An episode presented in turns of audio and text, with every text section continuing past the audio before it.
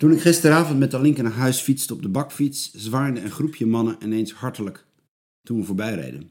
Het bleek meer voor Alinke bedoeld, die een half uur ervoor daar gestaan had met Harm. Vanuit Hemelsbreed zijn we deze week gestart om de bakfiets te gebruiken waar die voor bedoeld is. Koffie en thee schenken in coronatijd. Gewoon er met liefde en aandacht zijn. Precies dat. En wat ik ineens in de zwaaiende mannen zag, was ook precies dat. Hartelijkheid en herkenning. Ze staan er vaker langs de winkels bij de Ganspoort. Ik loop er dagelijks langs, maar meestal zijn de hanggroepen daar vooral druk met elkaar. Ze zijn gezellig en soms luidruchtig aanwezig, maar nooit zonder vrolijkheid en humor.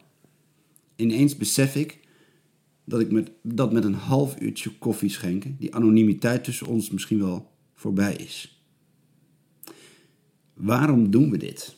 Waarom doen we een elfdaags bidproject tussen hemelvaart en Pinksteren? Het antwoord op beide vragen is denk ik grotendeels hetzelfde. Om anders te kijken naar onze buurt. Om anders te kijken naar mensen. Om open te staan voor de plek die God ons hier geeft. Om gewoon aanwezig te zijn met liefde. Als je me een paar jaar geleden gezegd had dat ik betrokken zou raken bij een gebedsproject van zoveel dagen, had ik spontaan jeuk gekregen. Nu ben ik de aanjager ervan en zijn we aangehaakt bij de wereldwijde gebedsbeweging Thy Kingdom Come. En het raakt me.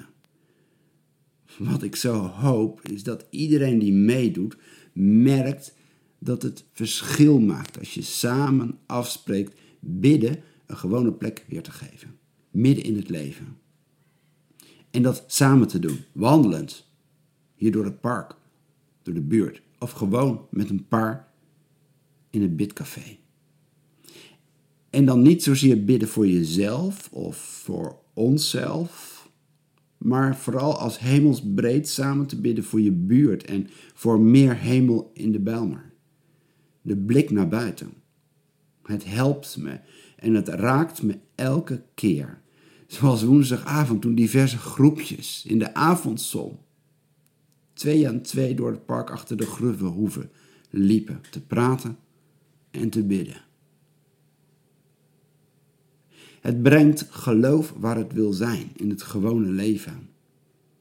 Het laat je zo anders kijken naar de Belmer flats en naar de mensen op straat of naar de nieuwsberichten over eenzaamheid en steekincidenten in Zuidoost. Het verandert allereerst mezelf, merk ik.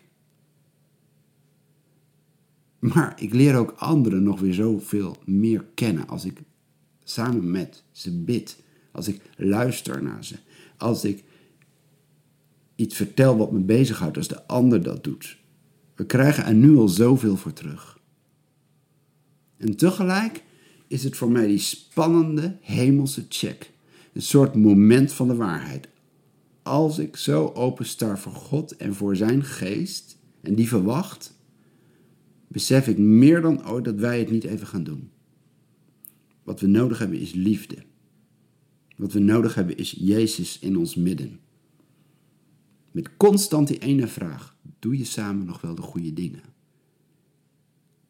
Kijk om je heen en stel jezelf eens die vraag. En kijk dan even omhoog.